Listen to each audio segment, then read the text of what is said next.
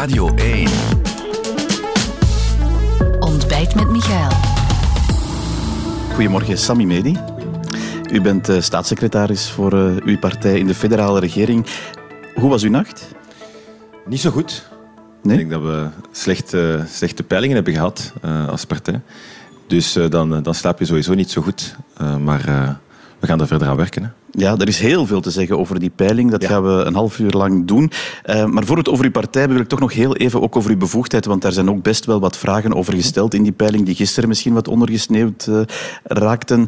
Uh, wat, wat opvalt is, het, het sluit misschien aan bij wat, wat het, de, het aanvoelen is van velen, die Oekraïnse vluchtelingen die, die zijn welkom in ons land. Dat blijkt ook uit die peiling. Ja, absoluut. met heel veel. Ik denk dat meer dan 70 procent van de Belgen hebben aangegeven dat zij vinden dat wij Oekraïners moeten opvangen.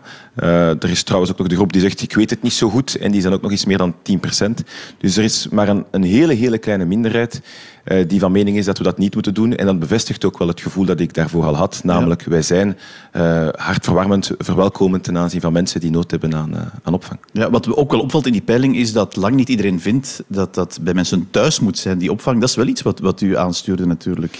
Ah, ik stuur niks aan. Weet u, wanneer dat mensen zelf aangeven dat zij Oekraïners willen opvangen, zelfs tot bij mij op het kabinet langskwamen om de vraag te stellen waar zijn hier Oekraïners, want wij willen kunnen helpen, dan moet je vooral als overheid ook wel een kader kunnen creëren waarbinnen dat, dat kan, dat dat niet via Facebook gebeurt, maar als burgers hun burgerverantwoordelijkheid mee willen opnemen en ergens een engagement willen opnemen. Ja, wie zijn wij dan vanuit de overheid om dingen te gaan verbieden, zolang dat, dat in het juiste kader gebeurt? Maar dat iedereen dat ging doen, ik denk dat niemand daarvan uit is gegaan. Nee. Wat ook opvalt in die peiling, want er zijn best wel wat vragen over uh, migratie uh, ja. gesteld en, en, ook vluchtelingen uh, hier in ons land. De herkenbaarheid is een groot aspect. Hè. Ik, ik, zag in die peiling ook een van de vragen die gaat, het ging dan over religie. ja, moslims, die, ja, hoe moet je dat zeggen, die zijn minder populair hier als je dat, als je dat op een enquête vraagt. Ja, dat heeft veel te maken met herkenbaarheid natuurlijk. Hè. Het feit dat er vandaag een heel groot draagvlak is voor Oekraïne, heeft met een aantal zaken te maken. Eén, je zit met een conflict dat een buurland is van de Europese Unie. Dus het voelt heel dichtbij aan. Het is ook niet zo ver van hier. Er zit 1600 kilometer tussen Brussel en Lviv, om maar een idee te geven. Malaga is verder. Um, het is een conflict waar wij ook het gevoel van hebben dat wij mee in het conflict zitten. Wat een beetje ook wel het geval is. Poetin kijkt niet enkel Oekraïne recht in de ogen, maar heel het Westen recht in de ogen. Um, en dus het gaat over nabijheid dat zeker een rol speelt bij de mensen. Al voel ik wel aan dat um, heel veel Vlamingen hebben aangegeven um, zeker verwelkomend te kunnen zijn ten aanzien van vluchtelingen op één belangrijke voorwaarde. En dat is dat er werk wordt gemaakt van de juiste integratie. Mensen zijn welkom op voorwaarde dat, dat ze geïntegreerd worden, dat ze werken, dat ze bijdragen aan de samenleving, dat ze deel uitmaken ja. van de gemeenschap. En, en, dat is voor mij een van de belangrijkste En wat moet dat voor het beleid betekenen dan? Dat betekent dat je vooral op het integratiebeleid heel wat zaken moet doen. Er is de peiling uh, die, van, van deze week, maar daarnaast was er ook die studie van Stijn Baart, mm -hmm. die aantoonde dat uh, zo'n 40 procent uh, van de niet-Belgen of mensen met migratieachtergrond um, dat die niet actief zijn. We hebben de grootste kloof tussen uh, werkenden uh, van, uh, met of zonder migratieachtergrond in België in vergelijking met al onze Europese buurlanden. we hebben een grote kloof ook op wat scholingsgraad betreft met alle Europese landen. Dus op dat vlak is er een werk dat gevoerd moet worden op vlak van integratie. Pleit, pleit u voor een strenger integratiebeleid? Ja, het integratiebeleid moet veel beter. Ik denk dat dat, strenger dus, want dat, ja, beter. Dat ja, ik strenger. weet niet of dat strenger is wanneer dat je aan mensen, en wat doet, dat doet de Vlaamse regering vandaag ook heel goed, wanneer daar ook Hilde Krevits ervoor zorgt dat wanneer iemand hier toekomt, een inburgeringscursus volgt uh, en niet werk heeft gevonden, ook binnen de zes maanden ingeschreven moet zijn bij de VDAB. U kunt dat streng vinden. Ik vind dat normaal en ook wel goed voor die mensen zelf. Het is goed dat je kunt werken, dat je kunt bijdragen aan de gemeenschap. Dat zal beter zijn voor jezelf en dat is beter voor iedereen. Oké, dat was één van de vragen in die peiling. Maar goed, de vraag waar iedereen naar keek was natuurlijk die kiesintenties. Uh, uw partij, ooit de decennia lang de grootste van Vlaanderen, in deze peiling de kleinste. Hoe komt zoiets binnen? Ja, keihard. Het is uh, keihard voor vooral heel veel van onze lokale mandatarissen, uh, parlementsleden, mensen die nationaal bezig zijn, ook de ministers en de voorzitter. Uh, het doet pijn bij veel mensen die heel hard werken. Verbaast het u? Om, om werk te maken van beter beleid. Of het u verbaast wanneer dat je de tendens ziet van de voorbije maanden, de voorbije jaren, dan niet. Uh, maar uh, je blijft wel altijd uh, verbaasd kijken wanneer de, uw partij onder de 10% zakt. En dus op dat vlak ja, is, het, is het zeker geen goede periode. Ik neem aan dat er dan naar verklaringen gezocht wordt. Hebt u die? Goh, er zijn eerst de, de, de mooie voorspellingen die er kunnen zijn. Namelijk, er zijn veel Vlamingen die aangeven dat ze zich in het centrum voelen. Dus het is maar niet, niet, niet, maar niet, bij, niet bij uw partij, want dat nee. valt ook wel op het potentieel. Is, gewoon, is, is er gewoon niet. Ja, maar je kan ook je centrum voelen um, uh, in de totaliteit van alle thema's die aan bod komen, maar uh, je op uh, sociale aspecten, als het gaat over koopkracht bijvoorbeeld, een bepaald standpunt innemen. Als het dan gaat over gemeenschapsgevoel, veiligheid, integratie, andere standpunten innemen en dan uiteindelijk in het midden terechtkomen. maar het feit dat mensen zich in zijn totaliteit als centrum um, opstellen, of toch zeggen dat ze dat zijn, uh, zegt wel iets. Namelijk dat er naast de partijen die soms uh, pleiten voor een sterk linksblok en een sterk rechtsblok, die dan frontaal tegenover elkaar staan. Ja, maar dat komt uit die peiling wel ook naar boven. Hè? Dat er een, het werd door eh, professor Walgraven een twee-stromenland genoemd, met uh, inderdaad een rechtse flank en een, en een, een radicaal rechtse flank, een linkse, radicaal linkse ook. En uw partij die zweeft daar ergens tussen. Ja, en uh, dit en uh, tien jaar geleden werd er, of tien jaar, vijf jaar geleden werd er gezegd dat er uh, geen toekomst meer was voor de Socialistische Partij of voor linkse partijen te koer.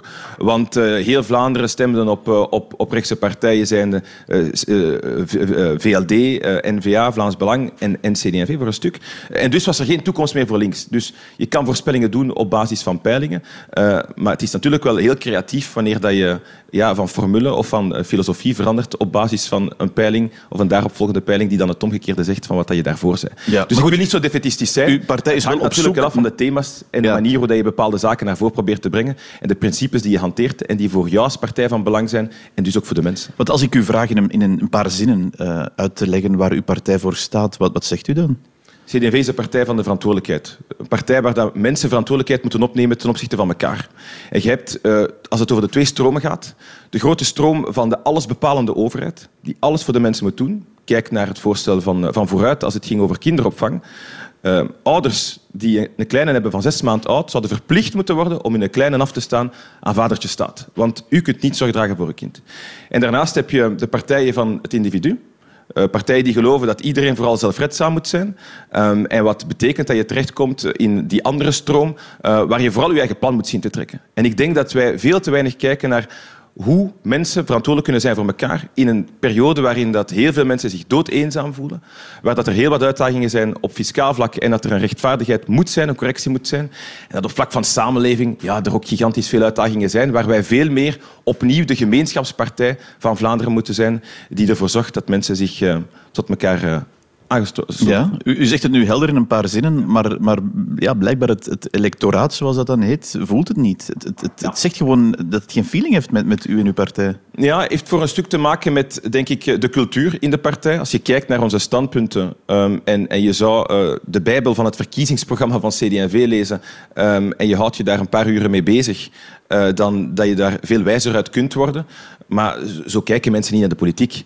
Dus je moet daarnaast ook, naast de programma's, ook kijken naar de principes. En waar maak je je principe van? Waar wil je absoluut voor gaan en wijk je niet van af? Ik heb op mijn departement uh, een aantal keer voor uh, heel moeilijke momenten gestaan, waar ik denk ik ook heb proberen aan te tonen dat, dat het belangrijk is dat politici ook principieel kunnen zijn en aantonen dat je achter je eigen visie moet kunnen staan. En dat is denk ik de opdracht voor onze partij. Je bent een beleidspartij, maar dat, dat mag niet betekenen dat je daarom jezelf in twintig plooit, iedere keer om een ander tevreden te stellen. Je moet dus... radicaler zijn in standpunten, is dat? Of, of die, die radicaler uitdragen? Wel, wanneer je aan beleid doet met andere partijen, dan moet je altijd water bij de wijn doen. Het is alleen niet de bedoeling om de tuinslang boven te halen. En dus daar denk ik effectief dat je als partij ervoor moet zorgen dat je eh, meewerkt, constructief bent, maar dat je wel weet op de juiste momenten waar dat, uh, je principes uh, het allerbelangrijkste zijn en dus je effectief op je strepen moet staan. Ja, want uw partij heeft ministers in alle regeringen, jij bent er zelf een van, hè? Ja. ministers in alle regeringen. Zij moeten dus uh, duidelijker uitkomen voor waar uw partij voor staat? Het is een kwestie van dat uh, gezamenlijk te doen met heel de partij. Ja. Het is niet... ja, maar, maar, ja, maar het is niet daar wordt wel beslist natuurlijk in ja, de regering. absoluut. Maar je hebt een minister die altijd uh, zijn of haar uh, punten wil binnenhalen. ook wel strijdt voor, voor zijn of haar dossiers in de regering en in begrotingsdossiers. Maar je hebt als partij natuurlijk wel een visie nodig waarin dat je afspreekt waar gaan we nu voor gaan als het in de Vlaamse regering gaat over de kinderbijslag en het feit dat er partijen zijn die daar misschien wat minder ehm, het belang van inzien, ja, dan moet je daar een keuze voor maken. En dus daar denk ik dat je zowel Vlaams als federaal op de juiste momenten de juiste keuzes moet maken om ook wel aan de kiezer duidelijk te maken wat je principes zijn, waar je voor gaat en waar je niet van zult afwijken. Wie moet die ploeg leiden? Wie die ploeg moet leiden, dat uh, zullen uh, de CD&V-leden beslissen. Uh, er wordt een verkiezingsreglement voorgesteld ehm, deze donderdag. Mm -hmm. um, en dus op dat vlak zal het kijken zijn wat dat de CD&V-leden beslissen. Maar laten we de olifant in de Kamer erbij ja, halen. Ik wist dat u dit ja, vragen. En dus dan, weet ik, dan hebt u dat antwoord ook netjes voorbereid. Bent u kandidaat? Ja. Ik uh, heb, uh, denk ik, ergens uh, de verantwoordelijkheid uh, na de vele berichten die ik heb gekregen. veel mensen die hopen dat ik mee mijn verantwoordelijkheid wil opnemen. ik heb ook mensen gehoord die tegen mij zeiden: je moet ook aan jezelf denken. En je moet zien dat de opdracht die, die heel pittig is um, als voorzitter van een partij, um, dat, um, dat je dat wel overleeft. Maar wat voor mij het allerbelangrijkste is, is dat uh, op een moment dat mogelijk twee grote blokken ontstaan uh, en dat mijn partij en de mooiste ideologie van het land uh, zou verdwijnen, dat ik ervoor zorg dat dat niet gebeurt. Ja, want dus, u ja. wordt dan voorzitter, dat betekent dat u dan stopt als staatssecretaris, uiteraard. Ja, dat klopt. En u wordt voorzitter uh, op een moment, ja, het is, wat is een maximum nog twee jaar tot verkiezingen. Valt er tij nog te keren? Denkt u, bent u daarvan overtuigd? Ja, anders moet je er niet aan beginnen. Als je kijkt ook trouwens naar, uh, naar de resultaten van Vlaams Belang in de peilingen, uh, nog niet zo lang voor de verkiezingen van 2019, dan waren die slecht. Die heel slecht. Niemand had kunnen voorspellen op dat moment dat Vlaams Belang anderhalf jaar later zo'n goed resultaat zou behalen. Het is dus een kwestie van je heel snel goed voor te bereiden, dat niet alleen te doen. Je hebt een ganse ploeg nodig. Je hebt uh, al je ministers nodig, al je parlementsleden nodig. Je hebt uh, al je lokale mandatarissen nodig. En je hebt uh, een hoofdkwartier nodig waar dat we iedereen gaan kunnen ja. gebruiken om dat verhaal te schrijven. Ja, uw voorganger, uw tegenkandidaat trouwens, ook 2,5 jaar geleden, Joachim Koens, die heeft zijn tanden daar op stuk gebeten. Wat gaat u anders doen dan hem? Want ja, die weg werkt duidelijk niet. Hè? Ja, Joachim heeft wel een aantal zaken ook wel gedaan. Ik denk wat Joachim vooral heel goed heeft gedaan in onze partij, is duidelijk gemaakt dat uh, naast um, de vele technische details die uitgewerkt moeten worden bij ieder beleidsvoorstel, dat je vooral moet weten uh, harten te raken van mensen. Uh, want het is heel goed om zaken technisch uit te werken, maar uiteindelijk op het einde van de dag willen mensen vooral dat je heel eenvoudig kunt uitleggen wat je precies voor hen gaat doen. Mensen zijn ongerust over hun factuur. Wat ga je doen om ervoor te zorgen dat ze hun factuur betaalbaar krijgen? Ja. Het is onze partij die daar als eerste en tot de laatste ervoor gezorgd heeft dat de btw-verlaging van 21% naar ja. 6% er gekomen is. Heeft Vincent van Petegem gedaan. En dus dat, denk ik, is een goede zaak wat, wat Joachim effectief heeft, heeft gedaan. En nu is het een kwestie van, van de partij verder, verder uit te bouwen, de juiste thema's uit te kiezen, strategisch ook wel te weten op welk moment je waarop weegt en dat zo helder mogelijk uitgelegd te krijgen. Ja, u bent kandidaat-voorzitter. Uh, er is sprake van een, een consensuskandidaat. Zal, zal er dan nog een kandidaat zijn of hoopt u dat, dat u dan de consensuskandidaat bent? Ik heb met heel veel mensen gesproken, uiteraard, de voorbije dagen, de voorbije weken. Um, dus um, ik, ik voel wel aan dat de vraag er langs heel veel kanten is gekomen. Op zich, um, ik uh, ben een grote uh, believer van de democratie. Dus uh, consensuskandidaat betekent niet dat daarom um, er vanuit de partij iets of wat moet opgelegd worden aan, aan de leden. Um, maar ik stel me ter beschikking en ik wil alles doen om mijn partij er bovenop te halen. Ja, en ik ben er ook van overtuigd dat dat absoluut kan en moet. Oké, okay, en dan, dan is de logische vraag er bovenop halen. Nu een peiling van 8,7 procent over twee jaar ligt verkiezingen. Waar moet uw partij dan staan met u als voorzitter? De, de typische journalistenvraag, uiteraard, ja, die begrijpelijk is. Als, als een peiling een, een voorzitter doet wandelen gaan, dan ja. is dat geen journalistenvraag. Dan is dat iets wat ook speelt natuurlijk. Nee, nee maar het, cijfertje, waar kom je dan terecht, um, is afhankelijk van heel veel factoren. In ieder geval moet je veel beter staan. Dus daar een cijfer op plakken vandaag is, is denk ik niet zo wijs om te doen. Wat wel wijs is om, is om aan te geven dat het uh, vooruit moet gaan met de partij. Dat we beter moeten scoren dan vandaag. Dat is nogal wiedes. Um, en dat ik er alles aan zal doen om, uh, om Vlaanderen te overtuigen van uh, wat de christendemocratie in zijn mars heeft. Ja, uw kandidaat-voorzitter dus. Met misschien heel wat werk op de plank, uh, meneer Medi, ook in eigen partij, want dat hebben we nog niet behandeld. Het rommelt in uw eigen partij. Misschien is dat ook een verklaring voor dat slechte resultaat. uw Vlaamse minister, onder meer Wouter Beke, daar wordt ook naar gekeken. Ook binnen de partij, binnen de Vlaamse fractie wordt die vraag gesteld. Kan hij aanblijven? Wat gaat u als voorzitter daarop antwoorden?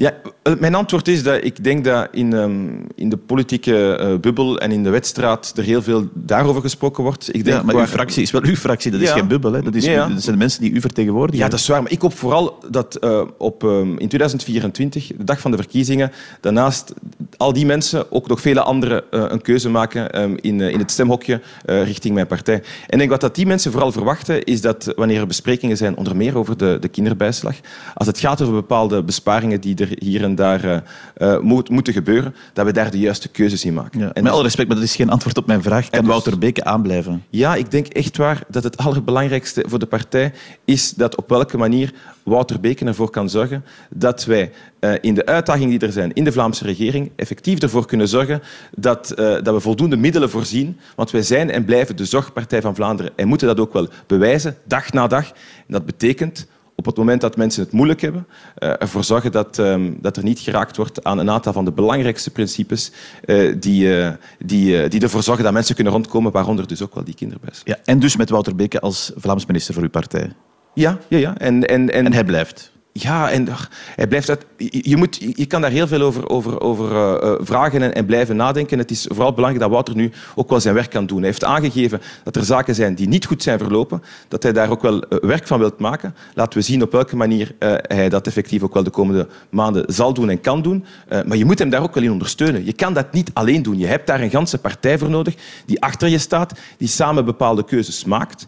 Um, en, en, en dat is denk ik het allerbelangrijkste. Uw partij heeft ook flinke linken gehad, moet ik eigenlijk zeggen, met, met de standen in uw partij. Beweging.net is daar eentje van. Het is ook Boerenbond, er zijn ja. andere. Uh, ja, we zien dat de liefde niet altijd groot is geweest de voorbije jaren. Gaat u daar iets aan veranderen? Is, is dat, zijn dat de geprefereerde partners of, of is dat verhaal uh, ten einde? Ja, ik heb al een paar keer um, in afdelingen gezegd dat wij als, een speciale relatie hebben met, met het middenveld. Normaal, als je zo lang elkaar kent en half getrouwd bent, dan weet je wat je aan elkaar hebt. Maar toch is dat bij ons heel scheef gegroeid. Um, CD&V is een partij die gelooft dat het middenveld, dat verenigingen en organisaties heel veel verantwoordelijkheid kunnen en moeten opnemen.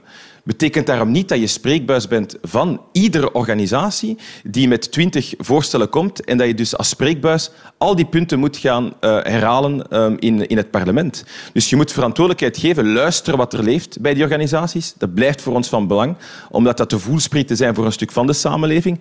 Maar dat je iets klakkeloos overneemt, is niet, dat is geen christendemocratie. Christendemocratie is verantwoordelijkheid geven aan organisaties. Dus die relatie toch iets herdenken, snap ik. Ik denk vooral elkaar beter respecteren in plaats van gefrustreerd te zijn, waarbij dat wij ons afvragen uh, waarom dat ze niet op ons stemmen uh, en zij zich afvragen uh, waarom dat we niet doen wat dat zij van ons verwachten. Dus op dat vlak moet je de relatie vooral op de juiste manier uitpraten, namelijk weten wat je aan elkaar hebt.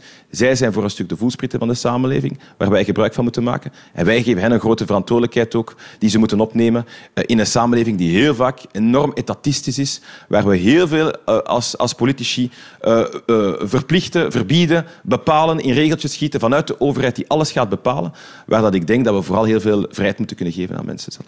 En dat zal dus allicht gebeuren met u aan het roer van die partij. Ik denk dat er u twee lange, moeilijke jaren te wachten staan. Uh, of uh, twee heel mooie jaren waarin dat ik uh, iedere dag op tournee kan gaan, met mensen kan spreken, mensen overtuigen van wat de christendemocratie kan doen. Um, ik zeg heel vaak, in Frankrijk heb je ook drie stromen, maar die dan in één samengaan. liberté, égalité, fraternité.